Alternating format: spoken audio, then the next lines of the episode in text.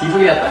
Neste år, hva var datoen, Roar? Hadde Ja, jeg lurer på om det er 19. september. Retail Apocalypse, og da er jo penger viktig. Det er 5000 kroner på spill. Det er Ja, det blir, eh, som du ville sagt, Roar, ulidelig spennende. Hei og hjertelig velkommen til episode 16 i Pødd for GT. Pødden der vi har fulgt to duellanter i deres eventyrlige reise mot denne 10 km-duellen som vi fikk servert sist lørdag. Og sitter her med Sør Martin. Tarjei Bakken, du er med oss som alltid. Og denne gangen i en oppsummeringsepisode spesial. Ingen episodegjest. Og Tarjei, først av alt, for en duell vi fikk sist lørdag, servert i Frognerkilen. Ja, det var en helt, eh, helt enorm duell og helt ellevilt å være der og følge det ringside. Og det er jo flere der ute som har omtalt det som om ikke årets største løpsduell kanskje til og med tiårets største løpsduell. Og Sir Martin, det er jo ikke uten grunn. Og nå når vi sitter her med, med fasit i hånd, hva ble egentlig resultatet? Altså du sier så var det jo en vanvittig duell vi hadde nede på Frognerkilen på lørdag der. Men eh, i pubens ånd så liker vi å avvente litt grann med fasit her, så jeg tenker vi må, vi må lytte litt videre, så kan han få med seg vinnertiden her. Kan dette bli et slags episoderåd, Tarjei? Det høres unektelig slik ut, eh, Petter. Og jeg tror egentlig episodens råd får bli at dersom du ønsker å få det faktiske resultatet fra tiårets duell, lytt til resten av denne episode 16 av Pødd for Grete. Og med det, la oss bare pødde.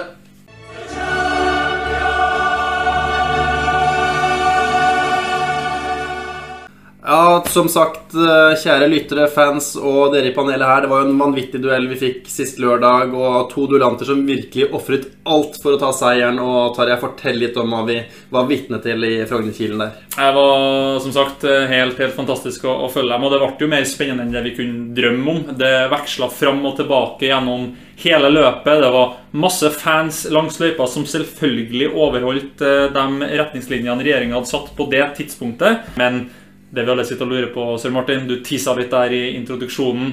Hva ble resultatet av de store duellene? Vi har jo hatt mange prediksjoner på denne vinnertida. Det er kanskje denne tida folk har forsøkt å gjette flest ganger i løpet av året som har gått. Men eh, det er faktisk sånn at vi sitter med en fasit her, og på mitt ark så står det 41 minutter og 42 sekunder eh, som vinnertid. Og vinnertiden, hvem tilhører den, Sir Martin, for de som mot formodning ikke har fått med seg det? Det var jo en spennende duell, men det var Caroline som stakk av med seieren både i duellen med og uten handikap, sånn sett. Det er jo litt spennende dette med tidene, Tarjei. Vi har jo fått nå 15 mer eller mindre kvalifiserte gjett her. Helt fra Jørgen Wara i episode 1 til eh, Magnus Lystad i episode 15. Og enkelte har jo vært nærmere enn andre. Det har det så absolutt. Og vi har jo vært innpå tidligere at det har vært ekstremt høyt gjennomsnittlig faglig nivå gjennom hele det PUD-året vi har hatt. Men det er jo klart at det er jo alltid noen som er litt sterkere faglig enn andre. Og denne gangen så er det tre som virkelig har pekt seg ut når det kommer til å estimere sluttid, Sør Martin. Ja, det er jo tre, tre som har pekt seg ut. For en hadde jo tidlig der at folk la seg rundt 40 minutter. Og så fikk en kanskje en liten overtenning over hjulet, men de som bikka under 40 minutter, før en nå mot slutten har kanskje jobba seg over 40 minutter igjen. Og det er vel et par-tre stykker som skiller seg litt ut, er det. Det er det, og det er kanskje en slags eh, fellesnevner her. At det er en slags andretrekksfordel på disse tre som har vært veldig nærme. De har jo vært, hatt den fordelen at de fikk se litt på treningsgrunnlaget til duellantene før de kom med tipset sitt. her, og ja, Hvem er det som har disse tre nærmeste gjettene her? Nei, Det er jo en slags eh, en trio der som vel kom, eh, så vidt jeg husker, på ei rekke år rad i episode 9, 10 og 11. Og det er jo da henholdsvis Guro Størdal og eh, Henrik Horjen og ikke minst Mr. Anderson himself, da, som alle var over 40 minutter og i nærheten av det her 41-42 som, som Sir Martin gjetter. og ja, det viser jo, Vi så det jo allerede i episoden, både når det kom til quizer og alt det faglige input de kom med. Men her, her viser de jo virkelig at uh, det var ikke bare et blaff. De, de har sine ord i behold uh, også etter endte løp. Martin. Mm. Det var en vinnertid som Sett i lys av treningen som blitt gjort, så er det ikke særlig overraskende. Til tross for bytte duellant, så er det faktisk sånn at Roald Søe som vi ikke har nevnt hittil, han er jo like bak, så det er jo ikke sånn at vinnertida Det er ikke veldig påvirka det byttet av duellant, sånn sett. Nei. Her har vi lov til å være litt skuffet over tiden her. Vi var jo lenge, levde jo lenge i en drøm om å breaking 40. ikke sant? Det var jo snakk om å komme seg under denne magiske 40-grensa. og Sør Martin, du er vårt faglige alibi her. og hva kan vi, kan vi være fornøyd med denne tiden? 2020 har vel vist oss at det er mulig å løpe litt fortere på 10 km-distansen. Har den ikke det, Tarjei? Det har det, og det har jo blitt satt eh, Etter at vi kom med det, den beregninga på handikap, så ble det faktisk satt ny verdensrekord på, på 10 km for menn. Det er jo denne uganderen da, der som, som eh, springer på 26,11 og flytter vel da verdensrekorden med en 5-6 sekunder, sekunder, hvis jeg ikke husker helt feil. I tillegg så var det vel en 5 km samme dag på kvinnesida som var ned mot 14 minutter. Så det er klart at det er mulig å springe, springe raskere enn en det som ble gjort der. Men spørsmålet er jo rett og slett om eh, ja, Kan det være at det er en slags idealtid som har blitt prøvd å truffe, kanskje spesielt av én av duellantene her, Petter?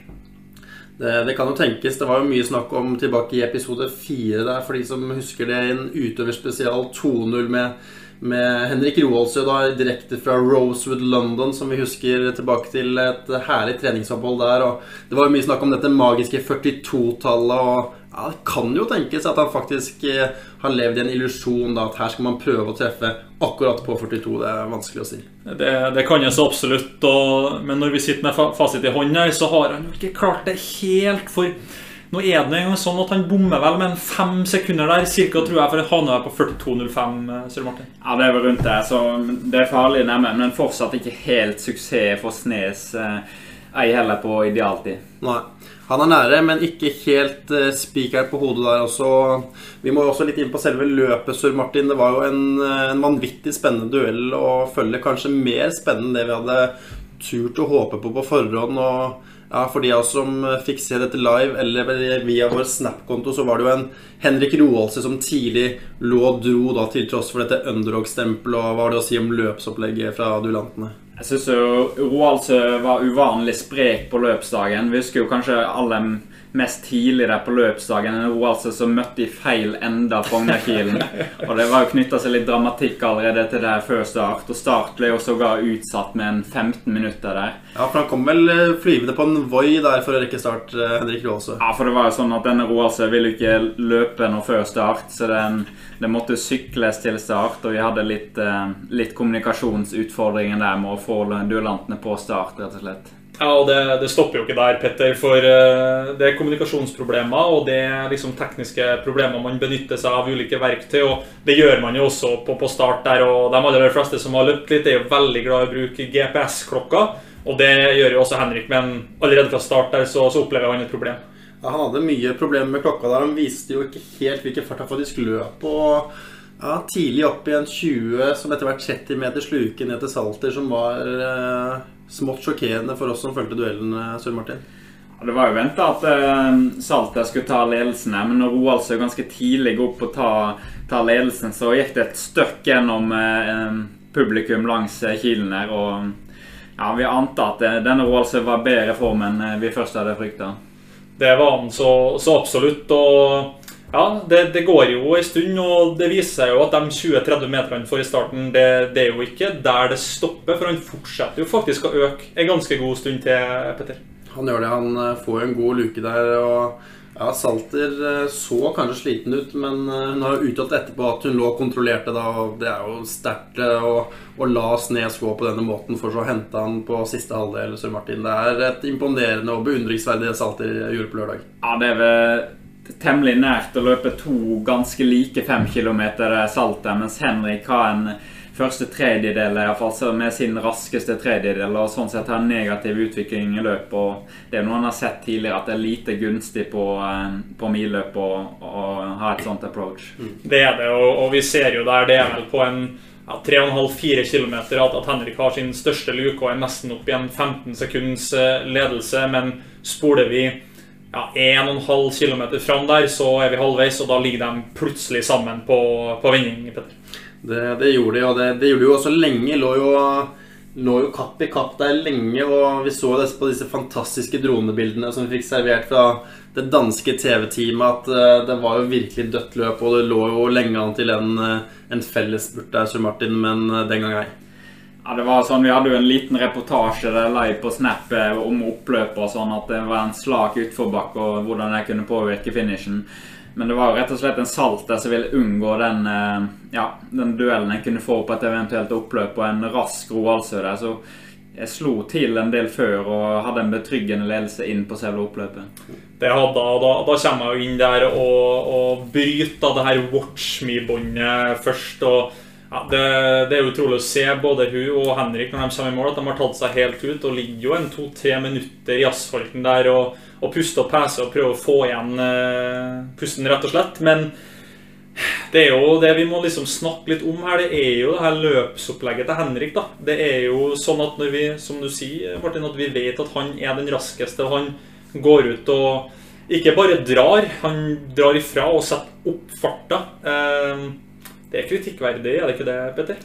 Ja, mange vil jo si det, og sett i retroperspekt så, så, er det jo vanskelig å si noe annet. Men jeg må jo også gi han honnør her for, for gutsen og viljen. Og for de av oss som, eh, som, var så heldige å se Henrik fredag kveld, så var det kanskje ikke helt optimal oppladning han hadde. For han valgte jo rett og slett å kjøre et, et slags dobbel vorstein med både PwC og KPMG, og det ble vel nærmere et tosifret antall enheter han hadde i seg. Martin. Vi har jo vært inne på dette med ernæring flere ganger tidligere i pøten her. og Hva kan du si om sånt, eh, en sånn måte å forberede seg til løpet på? Ja, det er jo en um, tilnærming som kanskje var mer vanlig tidligere dager. sant, at en hadde gjerne noe for å roe ned nervene dagen før, der, og, men allikevel klarte å løpe fort. og vi vet jo alle at Snes er en mann som fungerer tidvis ganske bra etter en sånn utskeielse. Jeg vil jo si at prestasjonen er som forventa. Jeg vet ikke hvor mye det kan ha hatt å si, men klart, det er ikke en toppidrettsutøver verdig. Det er det ikke. Det er det ikke. Eh, og det er jo mange ting man kan peke på med, med Henrik her. Ting som har kommet i ettertid. og vi som på en måte kjenner toppidrettsutøvermiljøet godt, vi vet jo at man ofte holder litt ting skjult i forkant av løp for at det ikke skal bli snakka mye om, om man ikke skal bruke energi på det. Vi har jo sett f.eks.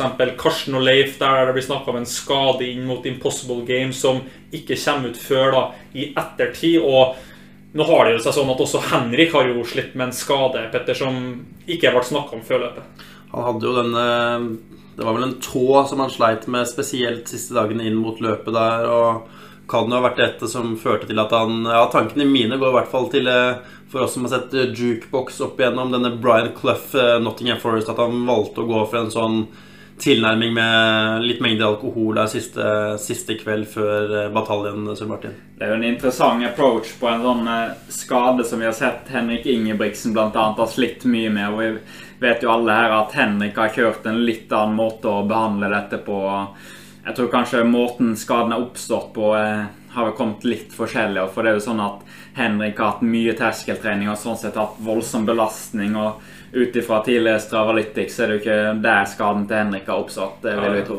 To Henrik som nevnes her, bare for å skille det og Ingebrigtsen som har hatt mye riktig type terskeltrening. Og da Henrik Roaldsø Vår Dueland som har hatt litt annen type terskeltrening, kan du si. og det, det, det, ryktes jo også at uh, du snakker om 9-10-11 enheter der like før løpet. Og det ryktes jo også at han har faktisk uh, ikke bare kvelden før døyva de her smertene, men faktisk uh, gjort det litt i den perioden inn mot det. Så som du sier, vi må gi honnør for at han prøver å satse, og ikke minst at han får et sånt eh, såpass bra resultat som er så nære det mytiske 42-tallet med de forberedelsene han har hatt.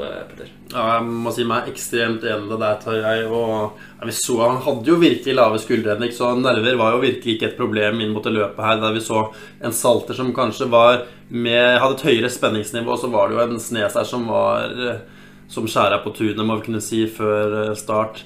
Et annet moment her er jo dette med støtteapparat. ikke sant, Sir Martin? Vi hadde en salter der som hadde med seg et godt apparat med både vannlangere, vi hadde noe energidrikk der, og vi hadde heiagjeng. Hva kan det ha hatt å si for utfallet av duellen her? Det er jo klart det er nærliggende å tro at det kan ha hatt en god effekt der Salter Salt er med som du sier, et eh, fullbyrdig støtteapparat til å støtte opp under et sånt viktig løp. Og når hun altså kommer slentrende på en eh, sparkesykkel helt alene uten noe team, så aner hun allerede der at det skal bli tungt for henne å hamle opp med salteret. saltere det, skal det. Og vi er jo inne på mange sånn tradisjonelle støttespillere her, eh, Petter, som man gjerne har i et større apparat når man er toppidrettsutøver.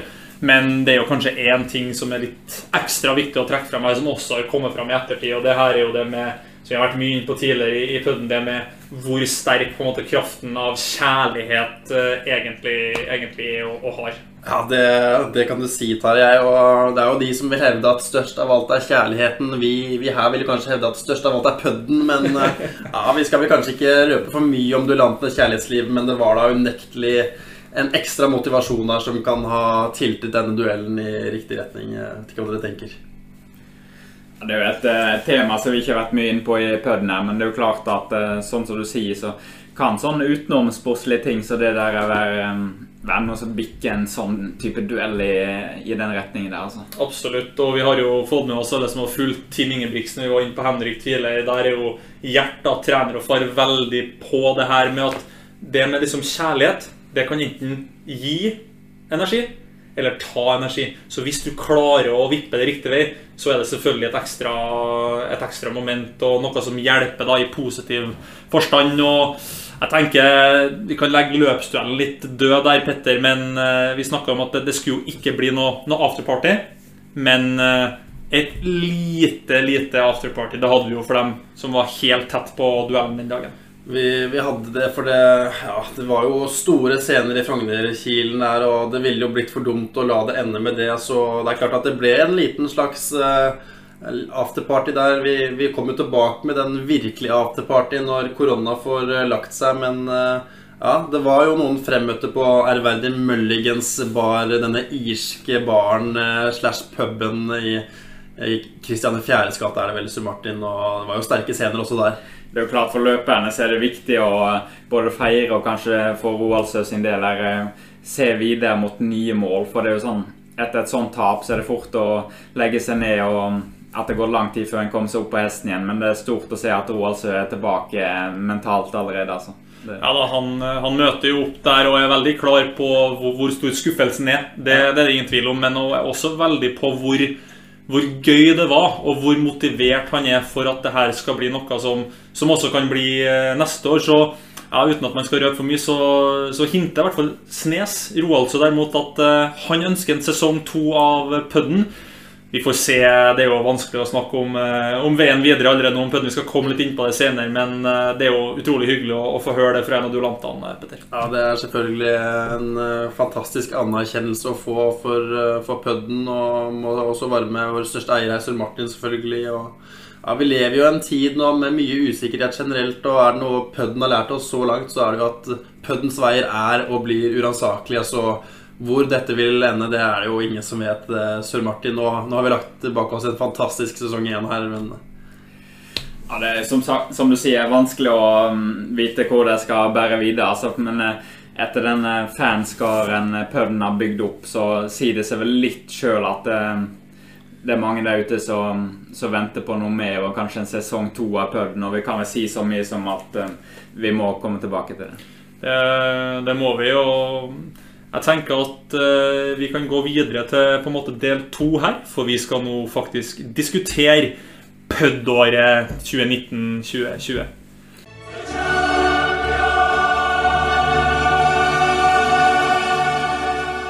Ja, for det er jo som dere sier, karer, det har vært eh, en fantastisk reise. Ikke bare for duellantene, men også for PUD-panelet her. PUDens eh, største eier, Sur Martin, fans, lyttere der ute. Så har det jo vært en reise som vi ikke kunne se for oss eh, da vi begynte med dette her, tar jeg for et snaut år siden. Og ja, fortell litt om, om hvor eh, pudden har gått fra den spede barndom til det den er blitt i dag. Ja, Det er jo helt, helt utrolig å tenke tilbake på at vi satt i en, en leilighet i, i, Oslo sentrum og ja, begynte å fylle på noe glass der i, i etterkant av et stort stort løpeår både for Sør Martin og meg sjøl.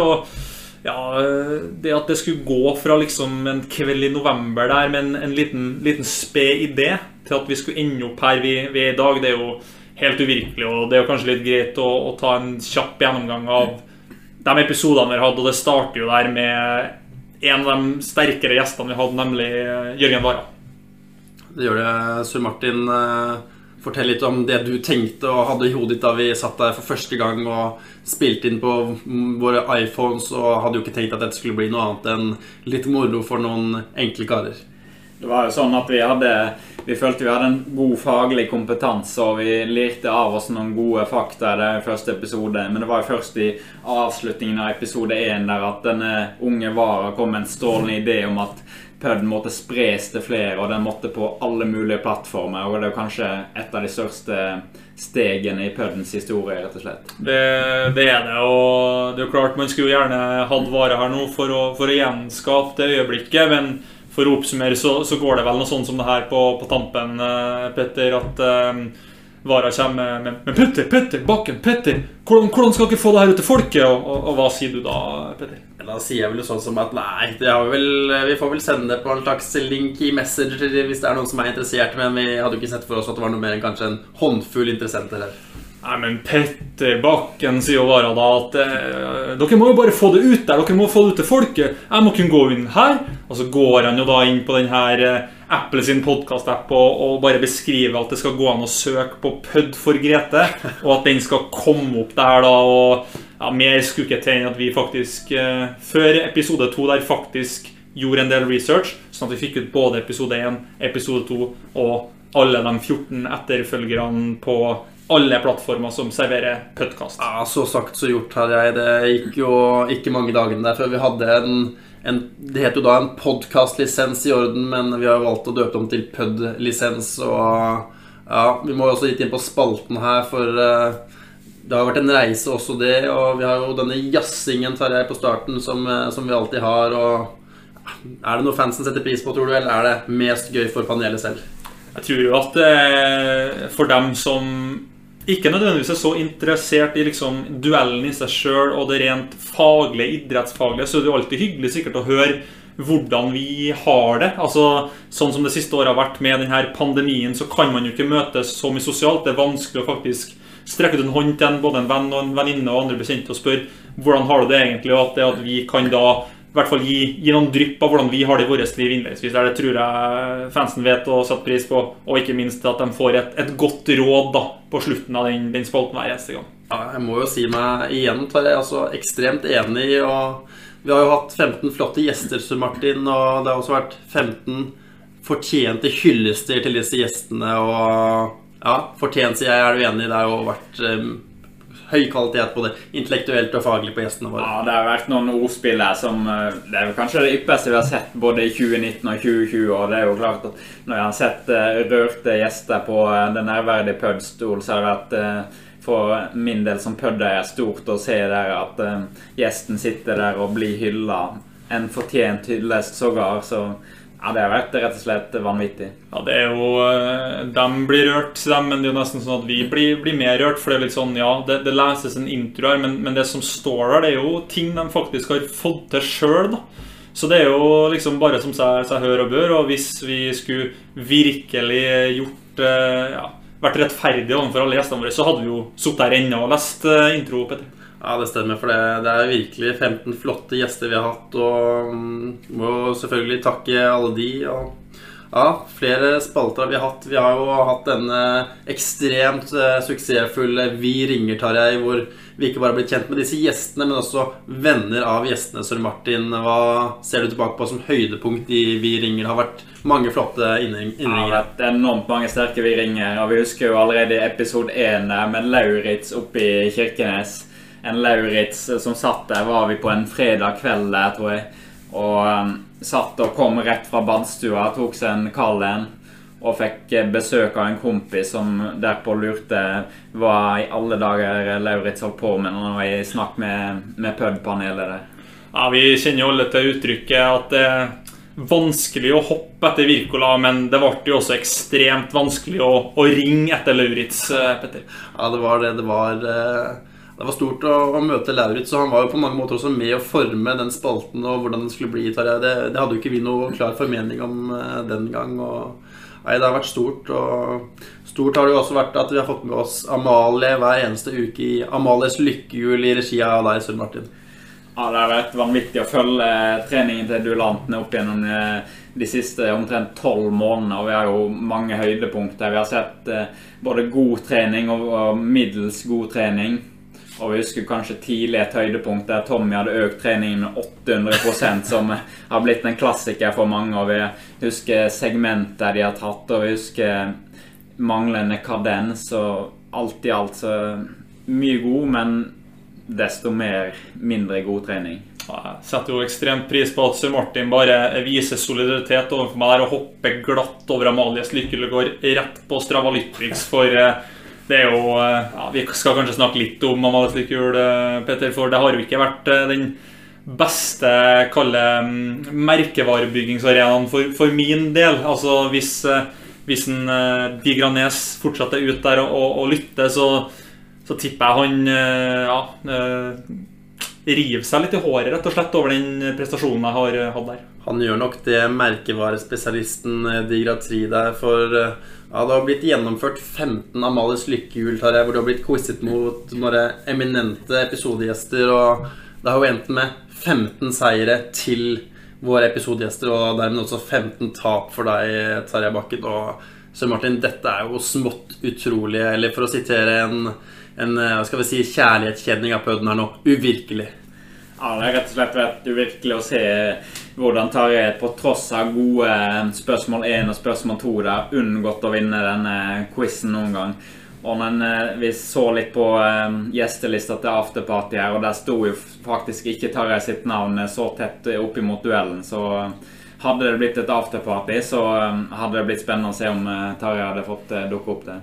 Det er stygge sifre, men det, det, er kanskje også ikke helt representativt, det vi har sett. Vi må jo innrømme at når vi har hatt så gode gjester her i eh, studio, så har vi jo ønske om å få alle med på et afterparty, og at vi sånn sett på det skjønnsmessige spørsmål tre har vridd litt opp i varrommene på knappene. At, eh, ja, for det har jo vært noen turer inn i varrommet der faktisk for å kåre vinnere. Og hvis du ser etter det, så har varrommet vært eh, til dels lite gunstig for Tarjei sin del. og en del skjønnsmessige avgjørelser har gått mot han, Eh, det må sies.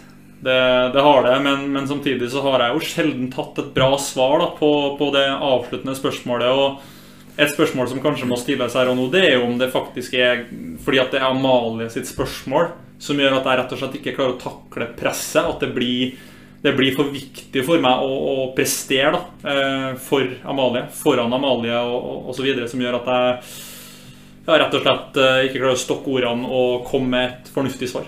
Ja, Det forblir eh, kun spekulasjoner, tar jeg. Men eh, for å vri litt på det, så har vi en annen spalte hvor du har vært desto sterkere, og det er jo i Fot i bakken, denne spalten hvor du har annenhver uke forklart oss et ord eller begrep, gjerne PUD-spesifikt, hva det faktisk betyr, og der har du vært enormt sterk. Tarjei.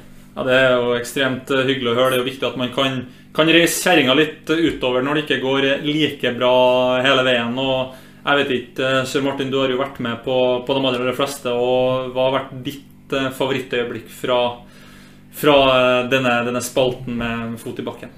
Det har vært vanvittig mange store øyeblikk her. og sånn. Det er jo kanskje den spalten som best har reflektert det faglige nivået. Sånn. Når Tarjei får et uttrykk der som han der og da på sparket må forklare.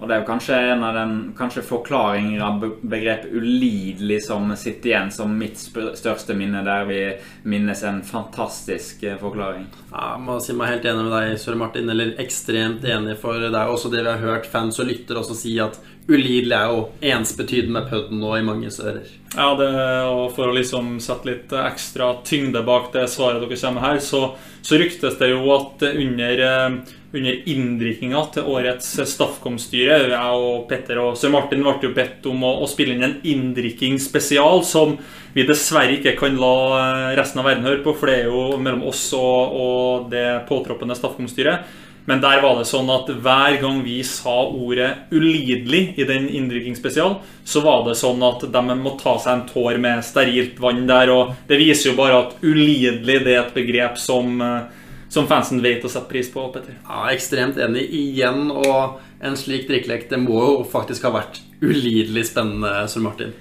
Ja, Hvis, det, hvis en skulle samle en gjeng og hatt en drikkelek nå, så hadde den vært høyt oppe på min ønskeliste, rett og slett. Det det. Ja, Det blir jo ulidelig spennende å se om det her blir en drikkelek som faktisk vil, vil bli en del av det ja, vanlige vorspiel når denne koronapandemien endelig slipper, slipper taket. Men det er kanskje noen ting som vi ikke håper at blir, bli med fansen videre. Og det tar oss litt over til det her vi kårer Strava-konkurranser, Petter, og vinnere der. For der er noen som har gjort det bra, men så er det noen ting vi ikke har lyst til å se etter endt pud-karriere heller. Det er det, og vi skal vel ta oss den friheten at vi poengterer for aller siste gang i denne puden, i hvert fall sesong én, Sør-Martin, hva er det man skal holde seg langt, langt unna som lytter av denne pud, og hvis du vil nå noen som helst vei med løpesko på beina? Det er jo denne fire ganger fire minutter da, som vi har sett altfor mange eksempler på. Det er jo faktisk helt utrolig etter så mange episoder med råd på råd på råd. Og et sånt godt råd med fire ganger fire at det er ikke noe særlig, så er det utrolig at uh, den blir gjennomført gang på gang. Ja, og For å komme med et slags uh, episoderåd nummer to her, så en enkel huskeregel dere kan bruke der hjemme for å tenke på ok, hva er det egentlig vi ikke skal drive med lenger, så er jo det da Episodenummeret her er jo produktet av 4x4. 4x4, som vi vet, vi er jo faglig sterke her, blir jo nettopp 16. Og vi gir oss jo på mange måter her, Petter, etter sesong 1 med fire episoder. Fire ganger fire. Ja, vi gjør det. Det er jo 16. episoden her nå, tar jeg. Og tar oss jo også litt inn på det at ja, nå er det jo høst, og mange tenker kanskje at det er det siste de hører fra PUD-panelet på, på, lange tider. Og til dem så har vi vel en ja, mager trøst, tar jeg, for uh, vi har en liten eh, presang å komme med litt senere på året, har vi ikke det? det? Det kan være, og jeg tror ikke vi skal røpe så altfor mye på nåværende tidspunkt, men vi kan jo si som Albus Humlesnurr, da, si Harry Potter og Mysteriekammeret. Eh, for dem der hjem som er trofast mot, eh, mot pudden, så vil vi kanskje aldri være helt, helt borte. Hvordan skal vi tolke dette, Søren Martin? Det er jo en kruttsterk referanse han kommer med her. Jeg sitter på andre sida av bordet og vrir meg litt i eh, Tvinner litt tommeltott og lurer på hvordan jeg skal tolke det. Så det er jo sånn at jeg sjøl må sette meg ned og rett og slett eh, evaluere hva som er sagt der. Skal vi forstå oss på det? Ja, vi kan jo røpe så mye her som at uh, Harry Potter-filmene er jo ofte brukt i julesammenheng. og det nevnes jo en presang her, Petter, og slår man de to ordene sammen, så får man jo et, et ett ord bestående av to. og ja, Jeg vet ikke om vi skal, skal, si noe mer enn det, men eh, det, kanskje det kan lønne seg å følge litt ekstra med på de her eh, podkast-appene når vi nærmer oss 24.12. Det, det kan det absolutt. og det går mot slutten her i denne oppsummeringsepisoden, Tarjei. Og mm, må kanskje si noen avsluttende ord om veien videre. En eventuell sesong to og hvor ser vi for oss Pudden fremtid? Nei, Det er jo som du har vært inne på tidligere, Petter, at eh, Puddens veier er å bli uransakelig. Og jeg tenker vi alle sammen trenger jo sårt en, en, liten pause, både oss i panelet, alle som har vært eh, gjester, og ikke minst lytterne der hjemme, for å rett og slett fordøye det som har skjedd det, det, det siste året. og jeg tenker jo at vi, vi, kan jo ikke love noen ting. Eh, så det blir jo en slags eh, ja, vi får se. Hvis etterspørselen er der, så, så kan det jo hende at vi skal vurdere nye sesonger. Men eh, inntil videre så, så, tenker vi jo at eh, vi, må, vi, må, sette litt på, på vent. Og Sir Martin, om det her skulle være på en måte aller, aller siste ordinære episode med, med Pødd for Grete, hvordan blir det for oss da som har blitt noe såpass, såpass kjent som vi har blitt, og, og rett og slett uh, ja, tre ut av den eh, pøddrakten. Det blir jo eh, veldig vanskelig å bare eh, hoppe ut av den. For det er jo sånn at vi har brukt mye tid på det, og fansen har begynt å kjenne oss igjen på gata. Og mm, det er jo kanskje litt sånn at den tida vi er inne i, er litt fordelaktig sånn sett. For en har jo lite av de her byturene. En har lite der en ser folk ute på gata. Sånn sett så tror jeg overgangen skal gå ganske greit. sånn sett. Du, eh, Petter. Du har jo en navnebror som eh, ganske nylig har vist at eh, det å, å liksom legge av noe man har brent for å virkelig satse mot og lyktes med, det, det er ikke så enkelt. Man kan havne i et slags karrierevakuum, og tror du det kan, kan skje oss? Ja, det skal du ikke se bort ifra, Terje. Og ja, Vi, vi, er jo på mange måter en stor del av pudden, men vi kan vel også si at pudden har blitt til en del av oss. og må jo si at Jeg er helt enig i tilnærmingen til Sør Martin her. Det blir litt sånn når vi ser utøvere jobbe kanskje i en lengre periode, fireårsperiode mot et OL, og så har du denne utblåsningen med, med faktisk de olympiske lekene der. og Da er det viktig å rett og slett eh, få ting litt på avstand eh, etter denne enorme påkjenningen. og ja, det, har jo, det, har jo, vært en reise for oss, og nå, nå er vi ved veis ende. Det, det er vi, og vi har vært mye inn på tidligere at det her er et lyttermedium, og jeg sa jo tidligere så sent som i episoden her at det er vanskelig å, å, male et bilde alltid bare med vår fantastiske stemmeprakt, selv om den er ganske utrolig når vi har oss tre sammen der. Det er jo en slags eh, hellig treenighet, eh, om du vil. Men eh, for dere der hjemme som har lyst til å liksom se løpet, hvordan det utspilte seg på den faktiske løpsdagen, så så har vi jo faktisk en, en TV-oppsummering da, som vi fikk hjelp av eh, ja, Rikskanalen, rett og slett. Norges rikskringkasting til, til å lage. Og den kommer selvfølgelig til å bli lagt ut på, på vår Snap med jevne mellomrom hele tida. Sånn at det er mulig å få se den. Og dersom det skulle være noe spesifikke ønsker etter at dere har lytta til denne episoden, her, så er det vel bare å kontakte deg, Petter, så, så, skal det være mulig å få den, eh, den eh, videoen. Ja, vi, vi, liker å dele med våre fans der ute, og det har gitt oss mye med alle den fansen vi har fått uh, gjennom året. og tenker jo at uh, for, å, for å avslutte så vil jeg gjerne sitere, sitere deg, Petter, eller vri litt om på det sitatet du har for et par minutter siden. Det, det er jo sånn at puddens veier er uransakelig, og man vet aldri når vi kommer tilbake. Du kan ta panelet ut av pudden, men du kan aldri ta pudden ut av panelet. Og med de vakre, velvakte ord så velger vi å si for denne gang Vi pøddes! Tid for Grete.